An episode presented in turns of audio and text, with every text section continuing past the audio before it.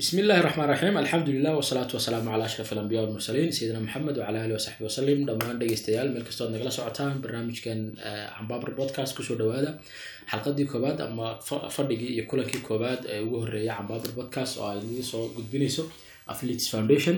Cambabur iyo affiliates waxaweyaan waxa weeyaan isku dayo dhaqan oo cusub affiliates waxa weeyaan magaca magaalada saylaac halka cambaburna uu yahay cunto ka mid a cunto dhaqameedyadii ama cuntadii reer magaalka ee soomaalidu lahaan jirtay xilligaasi oo caana ku ahayd magaalada saylac iyo deegaanada ka garab dhow.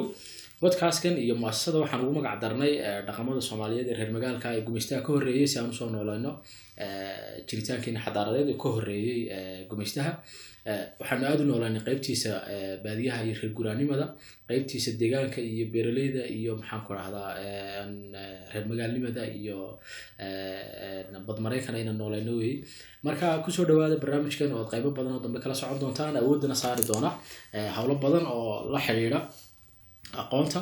Waxaan kolba isku dayi doonaa inaanu la kulanno qof aqoon iyo khibrad u leh mawduuc gooniya aan waqti dheer siino si aan uga waransiino ama uga uga dhugano aqoontiisa ku duugan mawduucaasi.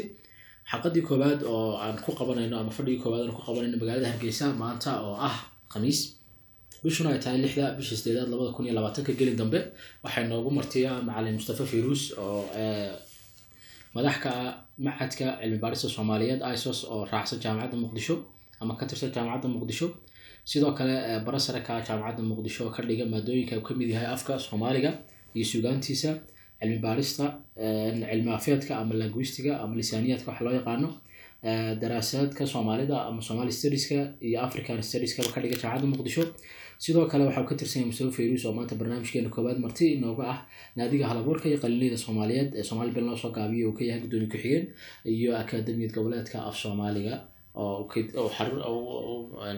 xubin ka yahay ama howlwadeynadeeda ka mid yahay. Intaa haddaan kaga gudbo hordhaca waxaan jeclay marka hore intaan kugu soo dhaweyo barnaamijka ku soo dhawo barnaamijka cambaabur podcast. Bismillahi raxmaan raxiim waan dhowahay waa cambaabur podcast iyo muxuu ahaaye hawsha aad wadaan iyo waan dhowahay aadna ugu mahadsantihin aad iyo aad baad mahadsan tahay mawduuciina maanta haddaan u galno waxa aan ka hadli doonaa oo ka wareysan doonaa ama kala sheekeysan doonaa macalin mustafa arrimaha ama mawduuca arrinka loo yaqaano daraasaadka soomaalida ama somali studies daraasaadka soomaaliya. Halka ay kaga jiraan aqoonaha adduunka iyo ay kaga tirsan yihiin sidoo kale xilliga ay soo bilaabmeen iyo taariikhdooda mawduucyada ay ka hadlaan iyo waxyaabo badan oo la xidhiidha macluumaad ku saabsan ama fikradaha ugu asaasisan ee arrimaha daraasaadka soomaalida la xidhiidha waxaan isku dayaynaa fadhigan iyo ka ku-xigaba inaan idiin soo gudbino faahfaahin iyo macluumaad dheeriya oo ku saabsan somali studieska. Waxaanan ku horreysiinaya inaan ku bilaabo marka hore inaan ku soo dhaweeyo soo dhaweynta kadib inaan horta ku bilaabo halka macalin mustafa iyo daraasaadka soomaalidu iska soo galeen iyo maxaan ku dhahdaa inuu hordhac inaga siiyo sida isagii daraasaadka soomaalidu ay isku yihiin marka laga bilaabo xagga shaqadiisa iyo iyo xagga shaqsiyad ahaanba. Bismillahi raxmaan raxiim marka ugu horeysa daawadayaasha ama dhegeystayaasha waan salaamayaa. Adigana sayidkaan ku salaamaya salaanta kadib. Dabcan meeshaanu iskala soo qabsanay daraasaadka ama cilmi baarista soomaalida iyo guud ahaan waxyaabaha daraasaadka soomaalida la xidhiidha dhinac waa takhasuskayga. Takhasuskaygu maadaamuu yahay cilmi afeed waa humanities culumta insaaniga.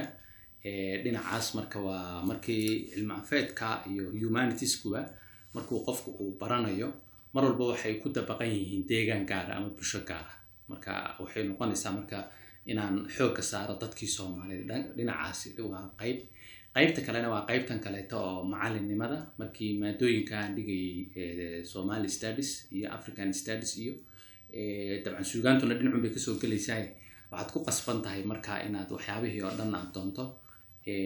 Markii dambena in macadkan cilmi baarista soomaaliyeed oo u xisaaranba jaamacaddu maadaama inteeda kale ay ardayda wax barto isaga ujeedada loo sameeyey inay tahay cilmi baaris inuu sameeyo. Markaana waxay noqotay shaqo maalmeedkaygii inay xiriir joogtaa ay la yeelato ama ay noqotaba waxyaaba cilmi baaristaas ama sameyntooda ama agaasimideeda maamulideeda isku dubaridkeeda. Marka saasaanu cilmi baaristaas soomaalida la xidhiidhaa ama cilmi baarista soomaalida aanu saaxiib iyo waday ku noqonay. Si fiican waxa waxaan jeclahay markaan hordhaca ka gudbo inaan nuxurka mawduuca gudubno. Markaan ka soo qaadno qof eh, soomaaliya oo dadka guud ka mid a dadweynaha ama xataa aqoon-yahanada wax aqriya waxna qora jaamacadaha ka soo baxay mutacalimiinta arrinta la yidhaahdo daraasaadka soomaalida ama cilmi baarista soomaalida la xidhiidha. Somali studies waxay u yar eg tahay wax yar fogoo durugsan oo eh, xiriir badan. Iyada iyo eh, maxaan ku dhaha qofka eh, soomaaliga aanu ka dhexaynin ama wax yar meel meelaha waaweyn jaamacadaha dalka ama dibaddaba lagu hayo. Marka waan u iman doonaa xiriirka soomaaliga iyo cilmi afeedka daraasada soomaalida ka dhexeeya lakiin marka hore aan ka horeyna qeexidda cilmi baarisyada soomaaliyeed ama daraasadaha soomaaliyeed kolba eh, saan ugu dhawaaqno. Eh, halkay kaga jiraan aqoonaha kala duwan iyo eh, maxaan ku dhahdaa garashada aadamaha.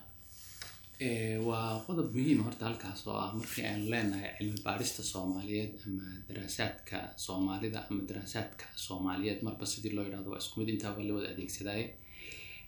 Qeexideedii wax loo fahmo aad bay muhiim u tahay sababtoo ah mararka qaarkood arkaysaa dadka qaarkood inay u fahmaan markii arrimahaas la sheego in loo jeedo eh, suugaanta soomaalida in la baadho laga hadlo.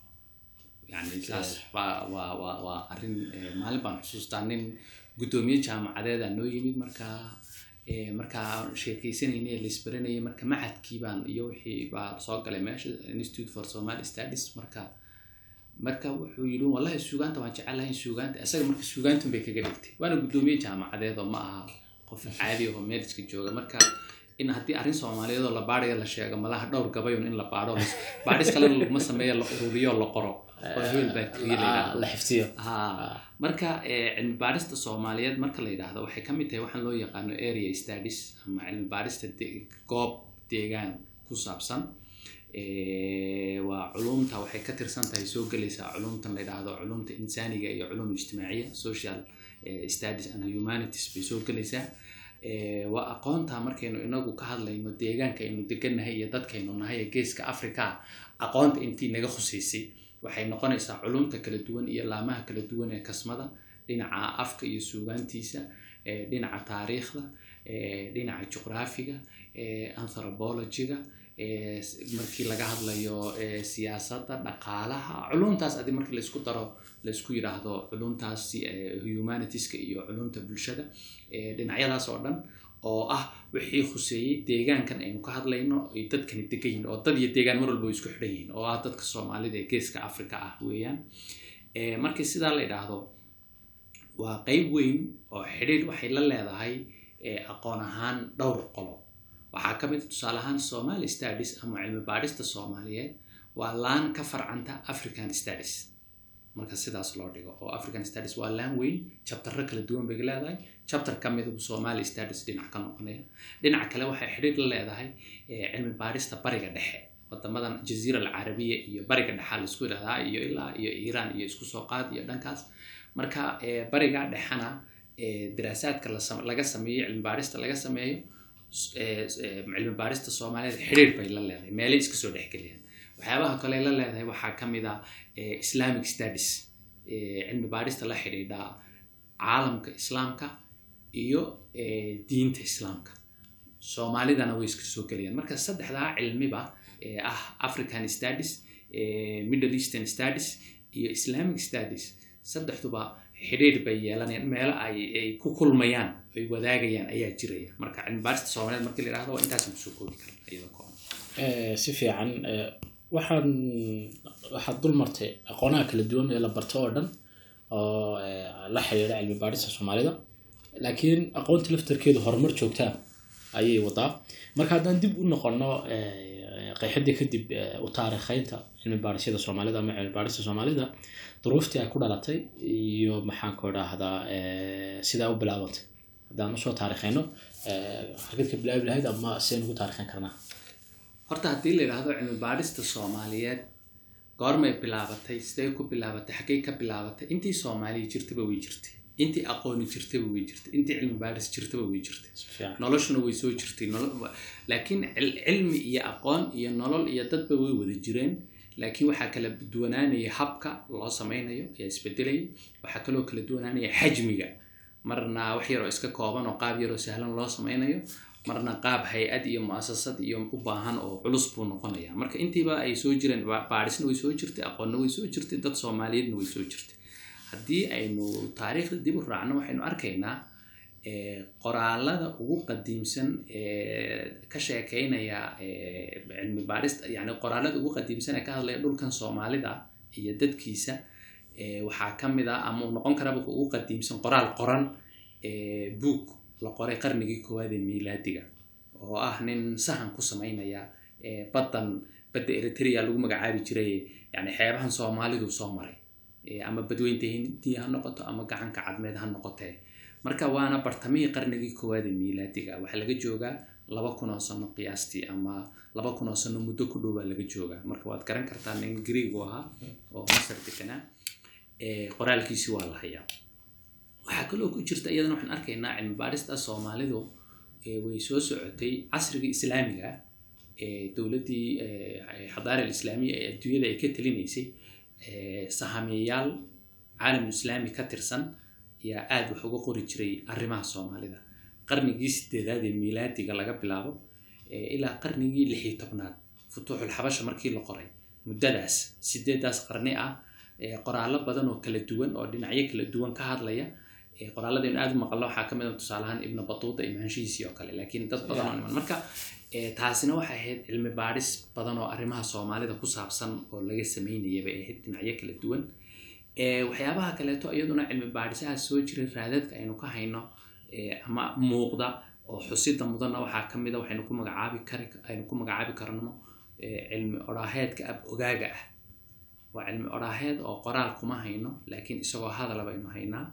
Waana ab ogaayo wax soo jireen oo awowayaashii hore laga soo gaadhay. Waxaynu arkaynaa xoolaha iyo cuduradooda iyo dawooyinkooda iyo dhirta lagu daweeyo dhulka soomaalidu ay degan tahay cimiladiisu siday tahay xilliyada roobabku yimaadaan marka beeraha la qodanayo ama la falanayo xilliyada lagu beegayo xooluhu xilliga rimitaanka iyo xilliga laga ilaalinayo dadku hadday xanuunsadaan dawooyinka qaarkood oo la siinayo waxaynu arkaynaa waxyaabo taariikho soomaalida ku saabsan oo si kutirikuteen ah la isugu soo tabinayo waxaynu arkaynaa waxyaabahaas oo dhan marka waa waxyaabo ama deegaanka ama dadka ama ama culumta kaleeta ee ka baxsan pure science-ka loo yaqaano ah noqon karo aan ahaynba dadkii aan ahaynba aynu ku arkaynaa. Marka waa wax soo jiray weeyaan. Qaarkood kuturkuteen baan ku maqalnaa sida odhaahaynu ku maqalnaa qaarkood iyagoo gabaya ah. oo la tiriyey oo baan heli karnaa. Markaasoo arkaysaa gabi la tiriyo xilli ka sheekaynaya wuxuu la mid yahay buug la qoray oo xilligaa ka hadlaya. Oo kaleeto. Oo kaleeto weeyaan. Marka waa xog jiray yani oo waxaa ka mid ahaa iyadana markan dambe casrigan cusub markan la yimaado isticmaalku intuuna imanin sahamiyayaal ka horreeya baa jiro daahfur adduunyada ku sameynayo doonaya inay ogaadeen. Marka sahamiyayaashaas reer yurub qarnigii muxuu ahaay sagaaliyo tobnaad oo kaleeto waynu aragnaa inay soo badanayaan bartamihiisii. Marka dhulka soomaalida webiyadu meeshay maraan meelaha laga soo degi karo dadka degan waxay yihiin luqaday ku hadlaan siday u dhaqmaan caadooyinkooda taariikhahooda muxuu ahaay waxyaabaha noocaas oo dhan say isu maamulaan waxyaabaha noocaas way sahminayeen way soo geleen marka way iska sii sahminayeen isticmaalkuu yimid wuu qabsaday. Markuu qabsadayna maamuladii dadkii gacanta ku hayay iyaguna wax xog badan iyo oo badan oo ku saabsan soomaalida ay ka ururiyeen abtirsiintooda taariikhdooda sheekooyinkoodii ay ka sheekayn jireen waxyaabahii dhaqanka ku saabsanaa waxyaaba noocaas oo kaleeta ah bay ka ururiyeen. Waxaa kaloo ka mid a iyaguna qolooyinkii mustashriqiinta aqoon-yahano markii dambe reer yurub ahaayoo yimid oo iyaguna baadhayay oo isticmaalku intuu joogay baaritaankaa sameynayay iyaguna waxyaaba fara badan oo soomaalida ku saabsan iyaguna ay ka sameynayeen wuu sii kobcay. Markii dambe soomaalida ay xorriyadda ay qaadatay jamhuuriyaddii soomaaliyeed la sameeyey kun sagaal boqol iyo lixdankii. Dadkii soomaalidu aqoontooda ay sii kordhaysay iyaguna aqoontan casriga ah ayaguna way sii way sii kordhaysay way sii kobcayeen. Meesha ugu kobacaas wuxuu heer weyn gaadhay kun sagaal boqol iyo toddobaatanaadkii. Kun sagaal boqol iyo toddobaatanaadkii soomaaliya waxay xorriyad soo ahayd markaa jamhuuriyaddii soomaalidu ilaa dhowr iyo toban sano. Af soomaaligii baa la qoray toddobaatan iyo labadii. Jaamacad buu dalku yeeshay. Qodobadaasi marka waxay sii xoojiyay aqoon-yahanada soomaaliyeed ee cilmi baarista sameeya tiradoodu way badatay. Jaamacadihii dibadihii meel wax ku bartaanba. Dadka aan soomaalida ahayna cilmi baarista arrimaha soomaalida ka sameynaya way bateen. Marka qodobo badan oo noocaas ah darteed way sii korodhay markii la yidhaahdo xagga toddobaatanaadkii. Taas waxay keentay marka inuu soo baxo chapterkan loo yaqaano somali studies magacaas. Hawsha way soo jirtay laakiin magacaa somali socotay. ha waayo dabayaaqadii kontonaadkii african studies ilaa konton iyo toddobadii baa la yidhaahdaaba dabadeed markuu yar batay qolobo chapter baa gaar u baxayay ethiopian studies baa soo baxay. Arrimaha soomaalidu marka meeshaas aqoon-yahanada arrimaha soomaalida baadhaa aqoon isu idaarsiyada ethiopian ee- ay qabanqaabiso bay ka qeybgeli jireen markii la- gaadhay kun sagaal boqol toddobaatan iyo sideedii ayaa waxay noqotay aqoon-yahano aan eh, arrimaha soomaalida baadhayay oo soomaali iyo aan soomaaliba ahayn oo isugu jira ayaa waxay soo saareen in la sameeyo cilmi baadhista soomaaliyeed ama somali studies. Ururna loo sameeyo oo lagu magacaabay ururka cilmi baadhista so- ururka caalamiga ee cilmi baadhista soomaaliyeed ee november kun sagaal boqol iyo toddobaatan iyo sideedii. Wixii intaa ka dambeeyey marka wuxuu noqday chapter sidiisa u taagan oo la sameynayo. Eh, chapterkaasi marka soo curtay maxaa xilligaasi keenay dhowr arrimooda waaweyn oo u baahan baa jira in hoosta laga xariiqo. Horta xogtii cilmiga ku saabsan ee la ururiyay wuu sii kordhayey. Markuu sii kordhayaba waa adoo buug qoraya buugu hadduu weynaado inaad loo kala jaro laba ama saddex chapter. keliya marka dambe wuxuu noqon doonaa buug dhammaystiran. Ah. markuu kordho xogta ku jirta marka markii sideed iyo toddobaatankii la sameynayey eh, magacaas cilmi baaris chapterka cilmi baarista soomaaliyeed la sameeyey ururka cilmi baarista soomaaliyeedna loo sameeyey ururka caalamiga cilmi baarista soomaaliyeed Eh, soomaaliya dowlad xor ah bay ahayd sideed iyo toban sano way isu soo taraysay. Far soomaaligii baa la qoray far soomaalidii baa waxaa la qoray kun sagaal boqol iyo labiyo toddobaatankii danaynta la danaynaya arrimaha soomaalidu way sii korodhay oo dagaalkii qaboobaa ee soomaaliya ka dul socday baa sii ziyaaday geeska africa oo istaraatiijiya reer bariga iyo reer galbeedku way danaynayaan qeyb weyn bay ahayd oo danayntaas cilmi baarayaal soomaaliyeed iyo kuwa kaleba tira ahaan way kordheen oo way bateen. Waxaa kaloo dhacay dagaalkii seven seven oo keenay markaa in arrimaha soomaalida aan ethiopian studies lagaga sii hadli karin. Dagaalkii toddobiyo toddobaatankii sideed iyo uu dhacay. Taas waxay noqotay marka in abriil sa- sideed iyo toddobaatankii aqoon-yahano is arkay ay ku heshiyeen in So- somali studies chapterka leedha ay sameeyaan ururna ay u sameeyaan ururka cilmi baarista soomaaliyeed shir ay qolooyinka african studies ay lahaayeen isla toddobaatan iyo sideedaas dhacaya bay isugu yimaadeen oo isku urursadeen november. Marka halkaasay waxay kaga dhawaaqeen marka inay ururkaa sameeyeen ay ku magacaabeen ururka caalamiga ah ee cilmi baadhista soomaaliyeed s s i a waxaa madax ka noqday professor xuseen tanzania isaga madax ka soo ahaa dhowr sano horteed buu geeriyooday ilaah u naxariisto. Eh, congaresskii ugu horreeyey ayaa ma aqoonsi ugu horreeyeyna muqdishaa lagu qabtay bishii july kun sagaal boqol iyo siddeetankii.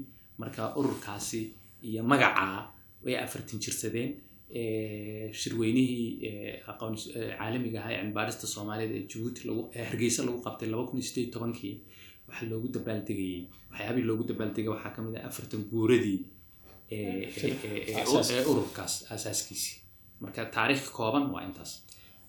Waxaad dareemi karnaa marka saasoo kale loogu taarikheynayo in labo labo jabtara ay kala yihiin markan ay rasmiga noqonayso ururka yeelanayso ee hay'adda iyo dhismaha yeelanayso ee aqoon-yahankeedu fara badanayo iyo markan ay firiirsan tahay laakiin ay kala daadsan tahay masalan ee, dhulmareen mataqaanaa dhulka soo maray wax ka qorayo qof dhulka beranaya wax ka qorayo maxaan ku idhaahdaa matalan marka marxaladda islaamka kale aad maraysay waxaad ka warantay inuu wax soo saar badan oo la xidhiidha arrimaha daraasaadka soomaalidu jiray.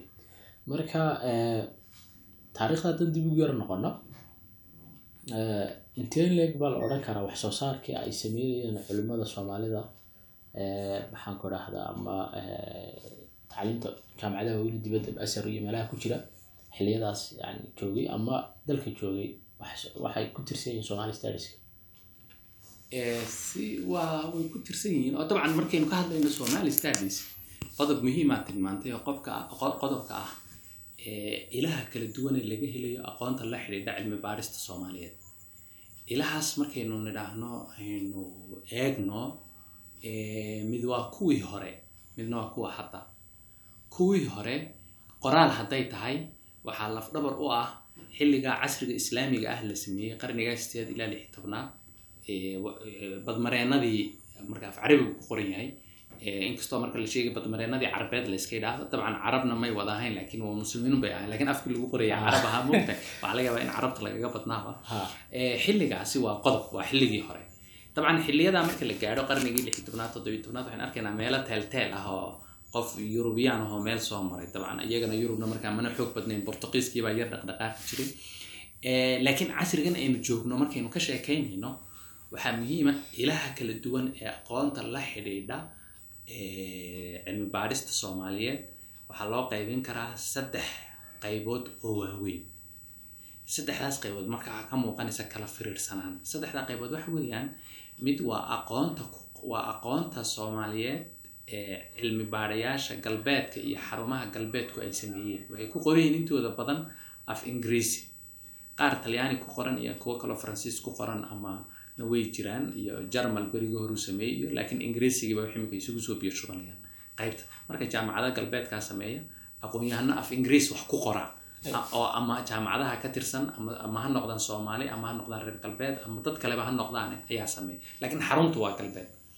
Waxaa kaloo jira aqoon-yahano soomaali iyo carabba leh oo jaamacadahan carabta iyaguna wax ka sameeya masar baa ugu weyneyd waxaa soo raaca suudaan Eh, labadaasaa ugu weynaa dabcan. Eh, waxaa kaloo taasna waa aqoon gaar ahoo qoran.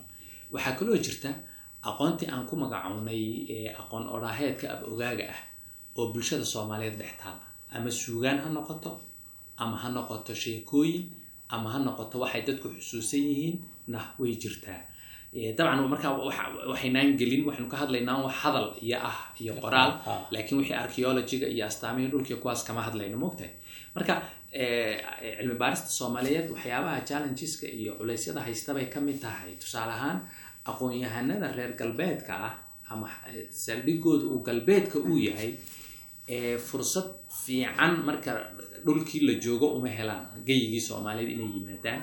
Marka waxyaabo waa meel kuwa carabta jooga waxaa laga yaabaa inayna ka warqabin kuwa galbeedka. Oo waxaad arkaysaa marka qof baa wax ka qoray marka inaanu ku badnayn tixraaca uu ku sameynayo qolooyinka ingiriiska ku qoran. Kuwa ingiriiska qoray wuxuuna wuxuu kuu sheegayaa muxuu ahaa beri tusaalehaan waxaan xusuustaa maalin dhexdaas waxaan sheekaysanay waa linguistics marka arrin buu ka hadlay af soomaaliga la xidhiidha marka waa arrintii marka waxaan u sheegay waxaan ku idhi waxaa jirta gabadh doctoorad cilmi baadhisada oo masaariyada oo eh, dhowr iyo siddeetankii arrintaas wax ka qortay. Qoraalka maad eh, eh, xog fiican buu sheegay. Mugta waxaan ku idhi qoraalkaasi bal marka wuxuu ihi qoraalka mana arag mana maqal maadaama isagu jaamacadaha galbeedka uu ka tirsan yahay. Laakiin hawshaa weynuu soo qabtay. Hadduu qoraalkaa arki lahaa meeshii iyadu ay soo gaadhsiisay buu ka bilaabi lahaa. Laakiin dadaal buu soo waday sanado ah markaasaa meeshii iyadu ay soo gaadhay buu iminka soo gaadhay yani waa waa kala go xoogaa xaggaas ah u jiraa dabcan dhaliisha waxaa qeyb weyn ka ah eh, deegaankii soomaalidu maadaama eh, xarumo waaweyn oo cilmi baadhisa una lahayn. Eh, markii hore jabtarkan somali studies la abuurayna dowlad shuuci ahoo military ay jirtay oo aqoon-yahanada reer galbeedka aan soo dhaweyneynin. Aqoon-yahankana aan aqoontiisu meeshay gaadhsiiso aan xorriyad u siinaynin inay hagto isku dayeysay kadib kadibna colaado iyo duruufo kaleeto la galay ka soo kabasha ha jirto laakiin weli aan aad looga soo kabanin. Eh, marka waxaa ku jirta xaalad ah meeshii saldhigga u noqon lahayd baa maqan. Haddii meesha saldhiggu ay jirto meelahaas waxay noqon lahaayeen wax ay ku kulmaan ayay noqon lahayn marka taas qodobkaasna waa dhinacaas u noqon kara Eh, arrinkaa imikaad ka dhawaajisay ama inay kala xandaaban yihiin aqoonta eh, laga sameeyo soomaalida. Eh, aan haddaan barigan idhaahno caalamka islaamka carabtu u tahay iyo galbeedka oo yurub ingiriisku u yahay labada af ay ku kala xandaaban yihiin.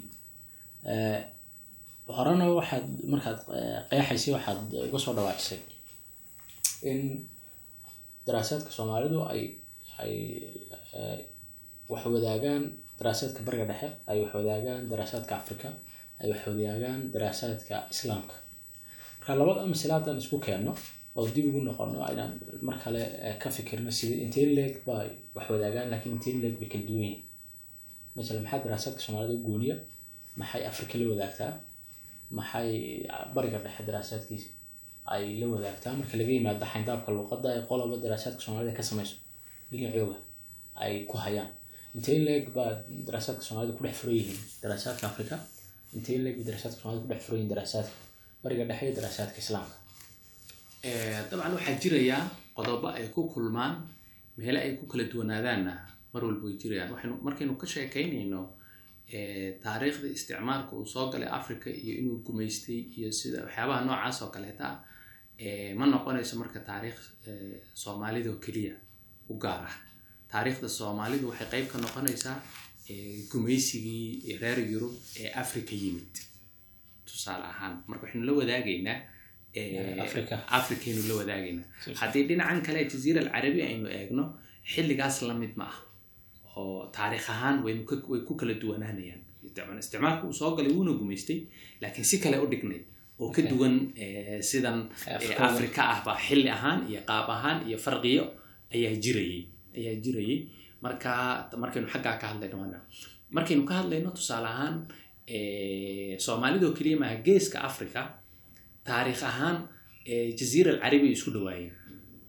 Afrikada kale iskumay afrikadan waa noloshan casriga hadda yani baddaa laga ganacsan jiray wixii laga dhoofinayna baddaa laga dhoofin jiray waad garan kartaan boqortooyin xabashi oo yaman ka talin jiray muxuu ahaa soomaalida iyo yamanta dad ahaan iyo waxay soo dhex galaan iyo dhaqan ahaan. iyo ganacsi ahaan iyo xataa mararka qaarkood ilaa maamul ahaana baa la gaarsiinaya soomaalida iyo cumaan iyo yani waa jasiiradan carabta koonfurteeda oo idilba oo dadkii qabaa'ilka boosaaso degan iyo qabaa'ilka cumaan degan isku mid bay noqonayaan. Oo xaggaana way ka degayin xaggana way ka degan yihiin marka xaggaana dad ahaan iyana way isku xidhnaayeen. Laakiin noloshan casriga ah ee abuurantay qarnigan labaatanaad bartamihiisii ee adduunyadu ay si u kala baxday oo qaaradda africa ah ayay keentay. Ee berigii hore soomaalida iyo amxaarada iyo geeskan africa umadaheenan degan oo dhan marka la isku daro jaziira alcarabiya ayaynu wax la wadaagi jirnay taariikh ahaan.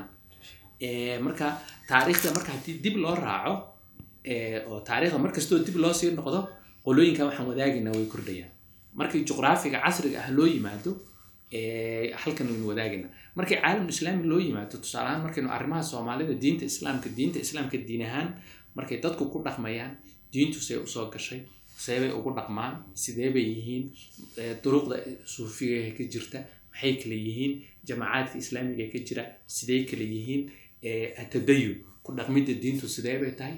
Arrimaha markaynu ka hadlayno waa arrimo caalam islaami aynu la wadaagayno oo markii la yidhaha dariiqada qaadiriyada sheekh cabdiqaadir jaylaani iyo baqdaad iyo ciraaq ayayna geynaysaa dariiqada axmediyada masar iyo morocco africa iyo morocco. Ayayna geynaysaa dariiqada saalixiyada markaynu idhaahno sheekh maxamed saalax iyo maka xaramkii iyo iyo dhinac kalena suudan ayayna geynaysaa marka waa wax isku xidhxidhan dhinacaas. Marka waa dhinacyadaas isugu xidhantay waxaan u gudbi doonaa dugsiyada iyo fikradaha iyo doodaha ka jira somali studieska oo ah yani nuxurka aqooneed ee mawduuca ku jira intaanan u gudbin laakiin su'aal yaroo deg dega oo aan rabo inaan kuwa hore ku soo xidho ayaa waxa aan isweydiinayaa.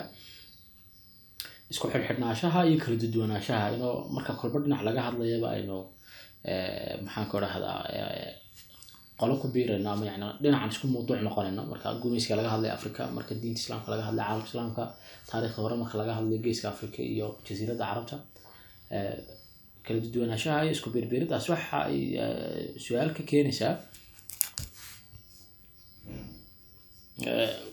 yani mar walba waxaad dareemaysaa inoo duruuf xukumaysa waxa aan wadaagayno iyo waxa aynaan wadaagayn ay jirto marka ama diinta ha ahaato marka caalamka islaamka laga fikirayo ama ha ahaato taariikhda hore marka jasiiradda carabta laga fikirayo marka su'aal baan raba halkaan aan dhex geliyo ah waxaad soo sheegtay inoo aan markii dhawada ka warramaynay curashada somali studieska in ay aada u kobceen qarnigii sideed tobnaad qarnigii sagaali tobnaad raaliha laga ahaado. Qarnigii sagaali tobnaad cilmi baadayaasha iyo dhulmaranada iyo darsayaasha reer galbeedka deegaanadeena wax ka darsaya ama dadkeena ama dhaqankeena wax noocaas marka intee leeg bay aqoontaasi iyo gumaystuhu yani ficilkii gumaysiga ahaa iyo institutionkii gumaysiga dhulka imanayay ama ka telinayay iyo aqoonta xilligaa la sameynaya bay xiriir ahaan sideyna iskugu adeegayeen dabcan waxay ahayd qalabku gumays qalabku gumaysigu adeegsanaya mid ka mid ahayd oo gumaystuhu markuu doonayo inuu dhulkan soo galo sahaaminta wuxuu u adeegsanayay yurub dabcan way xidhneed oo may may ahayn dabcan waxay qaarad burbursan oo soo kacday. Kacaankii warshadaha markii qarnigii sideed tobnaad yani marka hore shan iyo toban lix iyo toban ha noqdaan laakiin hadduu qarnigii sideed tobnaad wey markan ay ay ay me- meel weyn soo gaarayaan kadibna adduunyada ay ku soo fidayaan. Marka markii saas loo eego eh, ujeedada sahmiyayaasha ay u soo dirayeen waxay ahayd inay ogaadaan dhulkan. Marka waxay qalabku gumaysigu adeegsanaya mid ka mid ahayd markuu gumaystuhu uu yimid ee uu joogo dadka hayst dadkan uu gumaysanayo inuu fahmuu doonaya Eh, siyaasadihiisa siduu u meel marin lahaa waxaa lafdhabar u noqonaya mar walba ama saldhig u noqonaya siduu dadkan u fahmo. Ma inuu cadaadiyaa ma inuu sasabaa maxay ka xanaaqaan maxay jecel yihiin maxay tahay inuu ka ilaaliyo muxuu marsiin karaa muxuuna marsiin karayn. Marka wuxuu u baahan yahay inuu dadkan barto. Marka cilmigan anthropologyga tusaale ahaan haddaynu u soo qaadano waxaa lagu tilmaamaa waa cilmigii eh, dowladaha yurub ay u samaysteen dadkay gumaysanayaan inay ku fahmaan dabcan marka dambe ha iskaba fidoba. Ah, laakiin inuu haddaan ya- sheegeer dhex geliyo. Anthropology wuxuu darsaa bulshada iyo sida u nooshahay soma ha cilmiga bulshada yani sociology intaan ku darsaa. Marka imika waxa series dheer baa ka dhexeeya way dhahdaan anthropologiska iyo sociologiska oo waxaa la isku haystaa halkii la dersi marka hore waxa loo qaybsanaa eh, qolona dhulka la gumaystay darsiis. Qolona mujtamaca ay ku nool yihiin moogta Ah. laakiin imika dhulkan isku furay. Ha mujtamacina isku furay ha marka yani waxyaabaha qaarkood marka qaar waxyaaba ka- kaftana ka soo baxay Ah, wayna wayna isdhexgelayaan waxaana ku jirta eh, tusaale ahaan sociologygu eh, dadkani say u dhaqmayaan iyo say u degan yihiin iyo waxyaaba nolol maalmeedkooda ka mid ah. Baa isaga isaga common si guud u ah. Halka qaybtan kaleeto ee markaad anthropologyga eegto marka waa waa noocyadaas baa ku jirta oo marka waxaan uga jeednay uun waddamada reer galbeedku way u adeegsanayeen oo eh, isticmaalkooda iyo inuu laakiin marka aqooni ay timaado ujeedadii uu qofkani lahaa ama dowladdan ama dadkan sameynaya ujeedadii ay ka lahaayeen iyagu intay uga fushan karaan ha kaga fushadaan. Laakiin aqoontaasi waxay noqonaysaa kayd cid walba si ay u adeegsato. Oo tusaale ahaan eh, taariikhihii uu dadka kala sheekaystay si uu soomaalida u fahmo ka ururiyuu qoray waxay tahay waa kayd cilmiyeed oo soomaalida cid walboo danaynaysaba u yaalla isticmaalku hadduu markaa ujeeday inuu ku gumaysan lahaa adigu taariikhdaadii hore saa dib ugu raacdo imika kuu noqon karaa ujeedo kaleeto ayaad u adeegsan kartaa sidii hadduu isticmaalku ujeeday dadkan afafka ay ku hadlaan inuu ujeedooyin gaara uu ka lahaa inuu baadho afafka ay ku hadlaan inaad imika baadho ujeedooyin kale ayaad u adeegsan kartaa marka way jiraysaa dabcan isticmaalku yani ama saamintii ha noqoto ama qolooyinkii mustashriqiinta orientaliska loo yaqaanay marka dambe sameynaya ha noqoto ama qolooyinkii maamulka joogay oo hiwaayad in badan oo ka mid a u ahayd ha noqotee saddexdoodaasi noocba waxay ka mid ahaayeen qalabka iyo adawaadka uu isticmaalku adeegsanayay. Laakiin aqoontii ay ururiyeen aqoonta iyagu uj- mar- marxaladdii marka la soo dhaafo waxay noqotay kayd aqooneed cid walba oo doonta inay ka faa'iidaysato ay ka faa'iidaysan karto. Cidda ugu badan ay ka faa'iidaysanaysana waa soomaalida dabcan markaan halkaa leenahay mar walba waxaa kala duwan xogtii aqoonta la ururiyey iyo sida loo fasiray. Qofkii indhuhu ku eegayay iyo caqligiisii uu ku fasirayay isagaa watay laakiin xogtii uu ku ururiyey waa xog taala marka waa kayd aqooneed oo weyn oo qiimo leh oo laga faa'iidaysan karo. Waxaa la mid ahaa tusaale ahaan eh, maamulada isticmaalku arkiifyadooda kaydkooda wuxuu ururinayay waxyaabihii dhacayay waxyaabahaas dhacayay marka waxay ku tusayaan waxyaabo fara badan oo dhacdooyinkii dhacayay oo dhinaca soomaalida ka dhacayay isticmaalku uu sameynayay uu kula dhaqmayay waxyaabo kaleeto. Marka waxyaabahaas marka markii laga hadlayo dabcan ujeedada uu duuduubku ujeedadu isticmaalku lahaa isagu wuxuu u ahayd aqoontu qalabku uu adeegsanaya qayb ka mid a Eh, laakiin aqoontu mar walba way ka ballaarantay adeegsi gaara. Cid kayd waxay isu rogtay kayd aqooneed oo soomaalida anfacaya oo yaal oo mar walbaba waxay uga baahan yihiin iyo siday doonaan ay u adeegsan karaan. Si fiican. Hordhacaas hore ee taariikhda iyo mawduuc wuxuu ku saabsan yahay ama qeexidda iyo faahfaahinta iyo meelaha ka soo bilaabantay. Waxaasoo dhan iyo dabcan noocyadeeda kala duwan waxaynu uga gudbi doonaa mawduucyada la darso dugsiyada kala duwan schooliska maxaan ku dhahdaa ka jira iyo doodaha. Yani saddexda ugu muhiimsan waa nuxurka aqoonta la soo saarayo. Marka aad usaad rabto tartiibi laakiin arrinkaasi. Sidee maxaan ku rahdaa u eegi karnaa noociyaan ku eegi karnaa ama sianu kala tartiibin karnaa? Horta waa mawduuc aada u ballaadhan oo u baahan in cilmi baadhis badanna laga sameeyo. Si loo falanqeeyana waqti badan oo gaar ah sidiisa loo siiyo. Laakiin si guud mar ah markaynu u dul marno waxa weeyaan aqoonta iyo xogta kala duwan ee cilmi baarista soomaaliyeed ama arrimaha soomaalida aynu nidhaahnaba ee urursan iskuulladani waa ishii aragtidii lagu eegayey. Markaasuu wax kala soo dhex baxaya. Markaynu eegno marka iskuullada aragtiyada kala duwan ee waxyaabaha arrimaha soomaalida lagu fasiro ama lagu akriyo lagu macneeyo waxaynu odhan karnaa dhowr iskuuloo waaweyn ayaa jira oo caan ah ka ugu horreeya waa kii kontonaadkii soo baxay. Markii cilmi baadhistan casriga ah ee xilliga orientalis waxaa lafdhabarkaa dabcan im lewis iyo im lewis iyo qolooyinkaasaa lafdhabarka ahaa. Anthropologists baa lagu magacaaba ama traditionalistiskaas. Waxay sameynayeen waxa weyn marka markay iyagu eegayaan arrimaha soomaalida waxay ku fasirayaan waxay mudnaanta koowaad iyo labaad iyo saddexaadba siinayaan isirka ama qabiilka. Markaasaa dhacdooyinka dhacaya habdhaqanka dadku ay yeelanayaan noloshoodu say u dhisan tahay. Waxyaabahaas dhan markay eegayaan waxay ku eegayaan ookiyaale qabiil. Haddii wax la yidhahdo waxaasaa dhacay waxay u dhaceen waa reer hebel iyo reer hebel. Haddii saasay noqotay wax marka qoladaas marka waxay soo xoojiyeen qeybtaas bay soo xoojiyeen yani mudnaanta kuwa yani qodob arrintan marka la doonayo in wax laga shaqeeyo sida xisaabtii oo kaleeto dhowr arrimood oo kala duwan oo laysku dhufanayaa jira ayaga qodobka u weyn waa qabiilka. Ha oo ayna tahay inay soo muujiyaan inuu yahay qaab xun oy tahay in laga guuro. Saas qaabkay u soo muujinayaan waa noocaas. Qoladaas marka iskuulkaasi kontonaadkii iyo lixdanaadkii kontonaadkiibuu soo shaacbaxay dabcan waa dagaalkii labaad adduunyada kadib kontonaadkii lixdanaadkiibuu hana qaaday eliidka ama xulka soomaaliyeed xornimada u soo halgamay markii dambena dowladnimada qabtay iskuulkaasaa aada u saameeyey. Markaasa waxaad arkaysaa dabcan doodo badan baa ka dhalan kara oo beryaha dambe soo bixi doona. Oo. Iskuulka kale labaad waa transformationistis baa lagu magacaabaa. Waa kun sagaal boqol iyo sideetamaadkii. Ayuu isna jiray dabcan waxaa isaga lafdhabarka ah. Dabcan aqoon-yahano badan buu leeyahay. Laakiin labadan professor ee walaalaha axmed ismaaciil samatar iyo cabdi ismaaciil samatar ayaa lafdhabarka ahaa.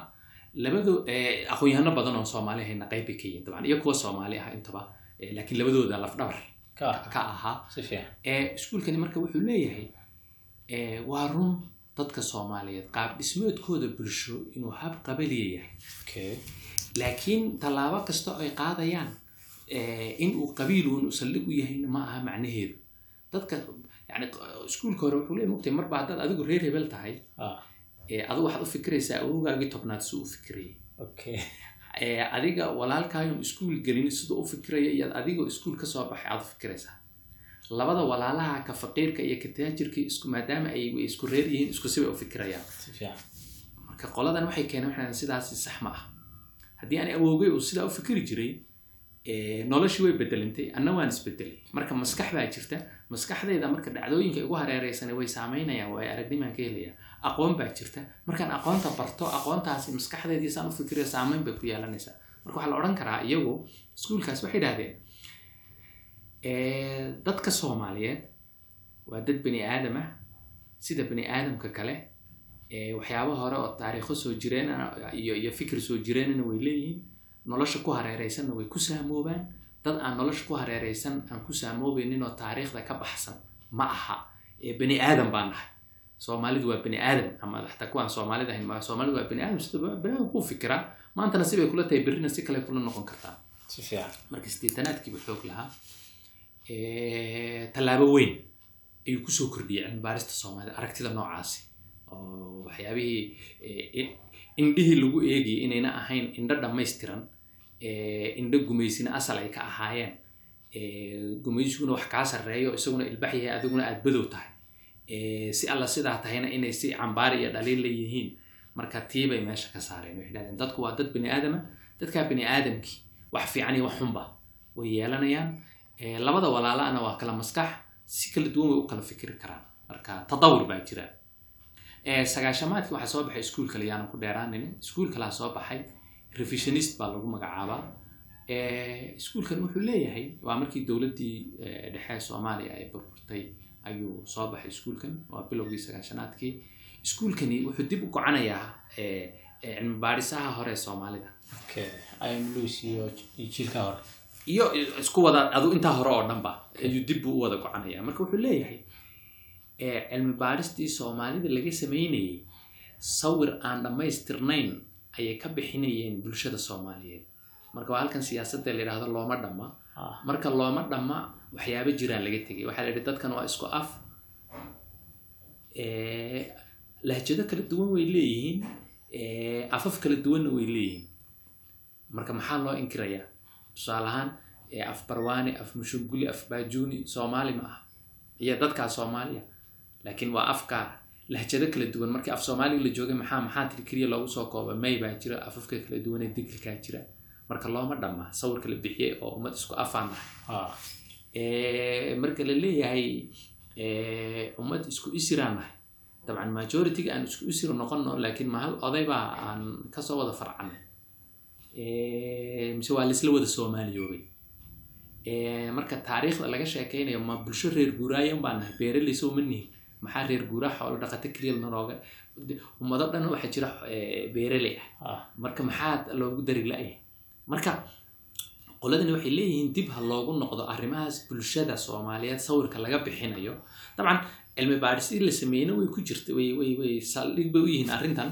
Waxaa kaloo saldhig u ahaa tallaabooyinkii gacaanka uu qaaday ee soomaaliyeynta ku saabsanaa qowmiyadda soomaaliyeed ku saabsanaa siyaasado aada mutatarif ah baa ahaa.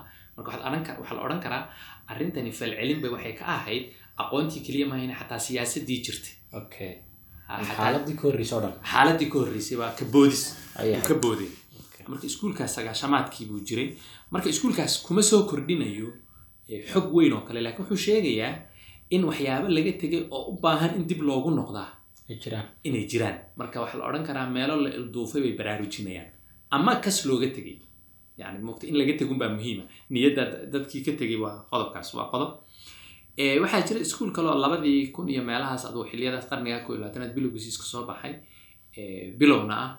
Eh, dadka qaarkood dabcan eh, waxaa lafdhabarkaa doctor baadiyow eh, dad kalena way la weheliyaan eh, comprehensive buu ku magacaabay. Marka wuxuu leeyahay cilmi baadhisyaha arrimaha soomaalida laga sameynayey eh, waa sidii hadalkii qoladii hore revisionistka oo kale eh, looma dhammada markii la lahaa iyagu dad iyo deegaan bay lahaayeen uma dhamma. Isagu wuxuu leeyahay eh, indhaha lagu eegayo qodobo muhiima bulshada ka tirsan ayay ka tegayeen in xisaabta ku darayeen. Marka xisaabta natiijada ku soo baxaysaa way ka duwanaanaysaa haddaad qodobo ka tagto. Waxaa ka mid ah tusaale ahaan laba qodob oo waaweyn oo muhiim ah oo aada u tilmaamaa mid waa diinta islaamka. Marka di marka d- bulshadani waxay rumaysantahay diinta islaamka soo maha habdhaqankooda iyo siday u dhaqmayaan diinta islaamka waxay ku leedahay saameyn weyn marka markaad doonayso inaad dhaqankooga iyo siday u dhaqmayaan iyo siday u fikirayaan inaad baadhoo daristo waa qodob weyn oo muhiim ah in soomaalidan iyo diintooda islaamka iyo siday ugu dhaqmayeen iyo siday ahayd ammaan ha yeelato dhaliil ha yeelato waa in la darso marka qodobka muhiimka ah islaamku wuxuu leeyahy waa factor muhiim ah cilmi baadhisihii hore hadday sheegaanna way sheegeen laakiin xisaabta kuma Eh, qodobka kaloo labaad waa haweenka haweenku bulshada soomaaliyeed kaalin muuqatay kaga jireen. Qaab dhismeedkana kaalin muuqatay kaga jireen. Marka markii bulshadan soomaaliyeed iyo si u dhaqmayso la sheegayo iyagana waa in xisaabta lagu daro.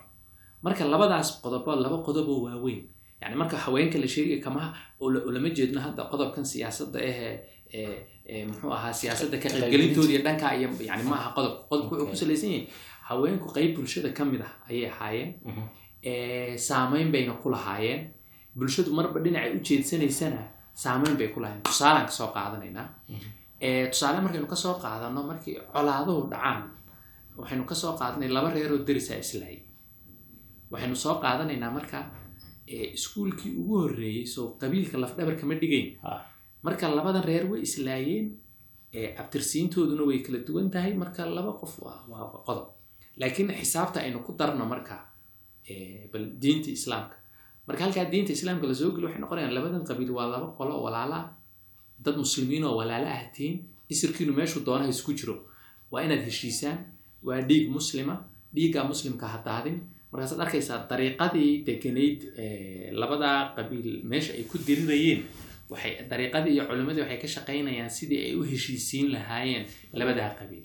Marka haddaad qodobkii abtirsiinta keliya qaadato oo diinta ka tagto go'aanadii soo baxayay arrimihii saameynaya qeyb ka midaad ka tagta. Waxaa la mid ah labadan reer ee ood wadaagga ah abti iyo adeer bay isu yihiin. Sida badan labada reer ee ood wadaagga iyagaa isguursanaya marka markii abtirsiinta aabbaha ku dhisan la raaco ee la islaynayo marka tii kaleete abtinimadu soo gasho waxay ka qayb qaadanaysaa colaada qaboojinteeda iyo jebinteeda. Marka dambena markii gabdho ay kala guursadaan waxay yaraynaysaa haddana dagaaladii kale. Saa darteed ba waxay odhan jireen waxay kala guursan jireen gabdho ay ku magacaabi jireen godob reeb oo qofkani waxyaabihii dhaawacyadii laysgaarsiiyey waxay noqdeen dumarka masaxaya dumarkaasaa masaxaya sababtoo ah waa wuxuu wax dilayaa waa tolkiisi waa dadkiisi ha wiilbaa wiilbaa abtigiis dilay. Marka markuu abtigiis dilayo maxuu kororsaday muxuuse isdhibay dhibaato isgaarsiiy marka yani marka waxa weyan waxaa ku jirtaa bulshadu sidee bay u dhaqmayeen haddii abtirsiintoo keliya la qaato oo sida iskuulka hore uu keenayay ah oo diintii macnaheedu waxa weyan go'aanadii soo baxayay mid ka mid ah baa ilan dadkan weligood waa kale abtirsiin bay ahaayeen. Haddana maxay ku heshiiyeen? Marka haddii abtirsiintuna ay dagaal sababaysay ha marka noocaas marka wuxuu leeyahay waa islaamkaa ka mid a waxaa ka mid a haweenkaa ka mid a marka waa iskuullada noocaas. Marka markii aad u fiirsato iskuulladani way soo kordhayaan. Waxay ka mid yihiin tatawurka cilmi baadhista soomaalidu ay sii qaadanayso. Markaynu u fiirsano waxaynu arkaynaa tobankii sano ama labaatankii sanaba mar in aragti fasiraysa arrimaha soomaalida oo intii hore wax ku soo kordhinaysa. Macnaheedu waxa weya waxaan u sii dhowaaneynaa markaynu haysanay hal aragti oo keliya. Markii aragti kale waxay noo fasiraysaa ay ku soo biirto waaqicaynu fasirkeenu inuu miisaanaadaynu u sii dhowaaneynaa markaad aragto kontonaadkii lixdanaadkii hal iskuul baa jiray sideetanaadkii mid baa ku soo biiray. Sagaashanaadkii mid kalaa ku soo biiray.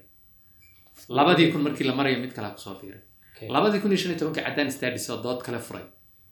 Ayaa yimid. Marka waxaad arkaysaa tobankii celcelisaan tobankii sano ilaa labaatankii sanaba waxaa dhici karta imika toban ama labaatanka sano ee soo socota gudaheega in haddana tafsiir kaloo inaga inoo muuqan imika ha marka waa isla aqal marna dhinaca bari aad ka eegayso dhismaha marna dhinaca koonfureed aad ka soo eegayso marna dhinaca waqooyi marna dhinaca kor marna dhinaca dhexdiisa adoo ku jira.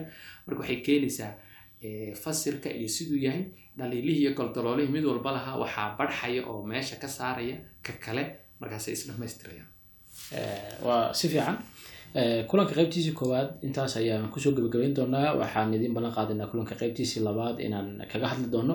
Qiimeyn guud inaan ku sameyno ciladaha iyo mashaakilka haysta daraasadaha soomaalida.